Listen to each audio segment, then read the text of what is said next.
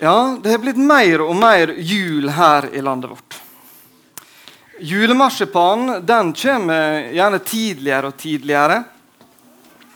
Eh, julebelysninga holder på nesten å bli litt amerikanske tendenser på. Og nisser det har en tendens til å stikke fram stadig flere plasser. Men dere tenkt på hva vi egentlig sier om denne nissen? Vi sier om nissen at han bor en plass eh, langt borte, gjerne på Nordpolen. At han eh, kommer en gang i året. Da kommer han fram og så gir han en gave til de som har vært snilde og gode. De som fortjener det. Jeg tror kanskje at vi har tatt med oss litt av det vi sier om nissen når vi skal snakke om kristendommen, om det som skjer egentlig i jula. Jeg lurer på om vi av og til tror at Jesus er en eller annen som bor et stykke unna. Men som av og til kommer en tur for å se etter hvem som er snille nok, hvem som er god nok, for å så å gi dem ei, ei gave. Hvis du kommer gjennom dette smutthullet og er god nok for Jesus, så kan du få lov til å gå en plass som misjonssalen. Da kan du få lov til å ha et håp om himmelen. Jeg tror kanskje at det er ganske mange som tenker det. Og tenker det at Hvis du ikke er god nok for Jesus, så vil han gjerne bruke den anledninga til å ydmyke deg litt, fortelle deg at du er ikke god nok. Jeg møter faktisk av og til mennesker, og litt for ofte møter mennesker som, som ikke ønsker et møte med Jesus, ikke ønsker å komme i en, en sammenheng i en menighet, fordi at de er litt redd for både de som går i menigheter, de kan være litt redd for Jesus. De er redd for at de skal bli avslørt, at noen skal sette fingeren på ting de har gjort gale. Akkurat som om at du skulle vente på julenissen, at han skulle komme også foran de andre barna i, i gata der du bor, fortelle at 'nei, du har ikke vært snill nok'.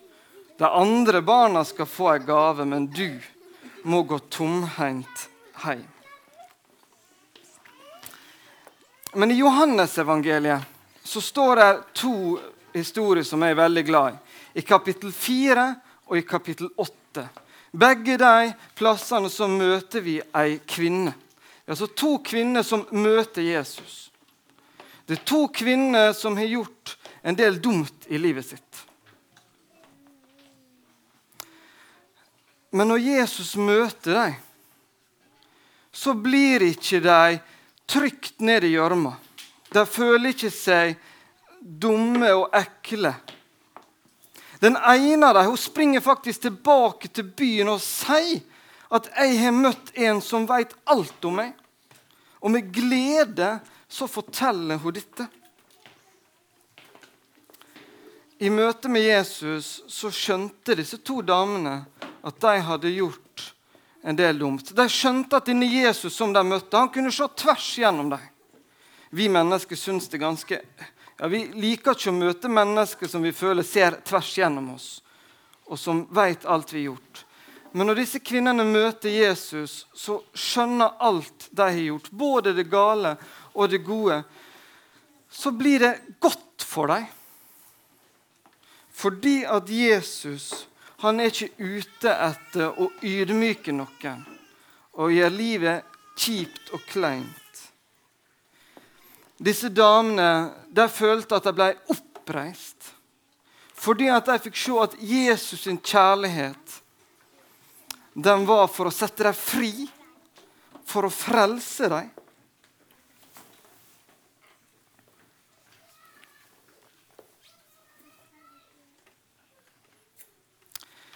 Det er nå ikke så mange dager til vi skal feire jul. Skal feire at Jesus kom til jord.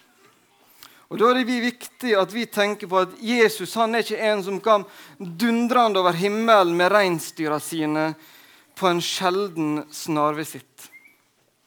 Jesus han kom som et lite barn i krybba. Og så har han lyst til å være sammen med deg. Ikke på en liten tur, men han har lyst til å være sammen med deg for alltid. Han vil at du skal ta imot han som din frelse. For han er ikke ute etter å lete etter folk som får til alt, som er så flinke og som er så gode. Jesus han kommer også han til deg som ønsker å få tilgivelse.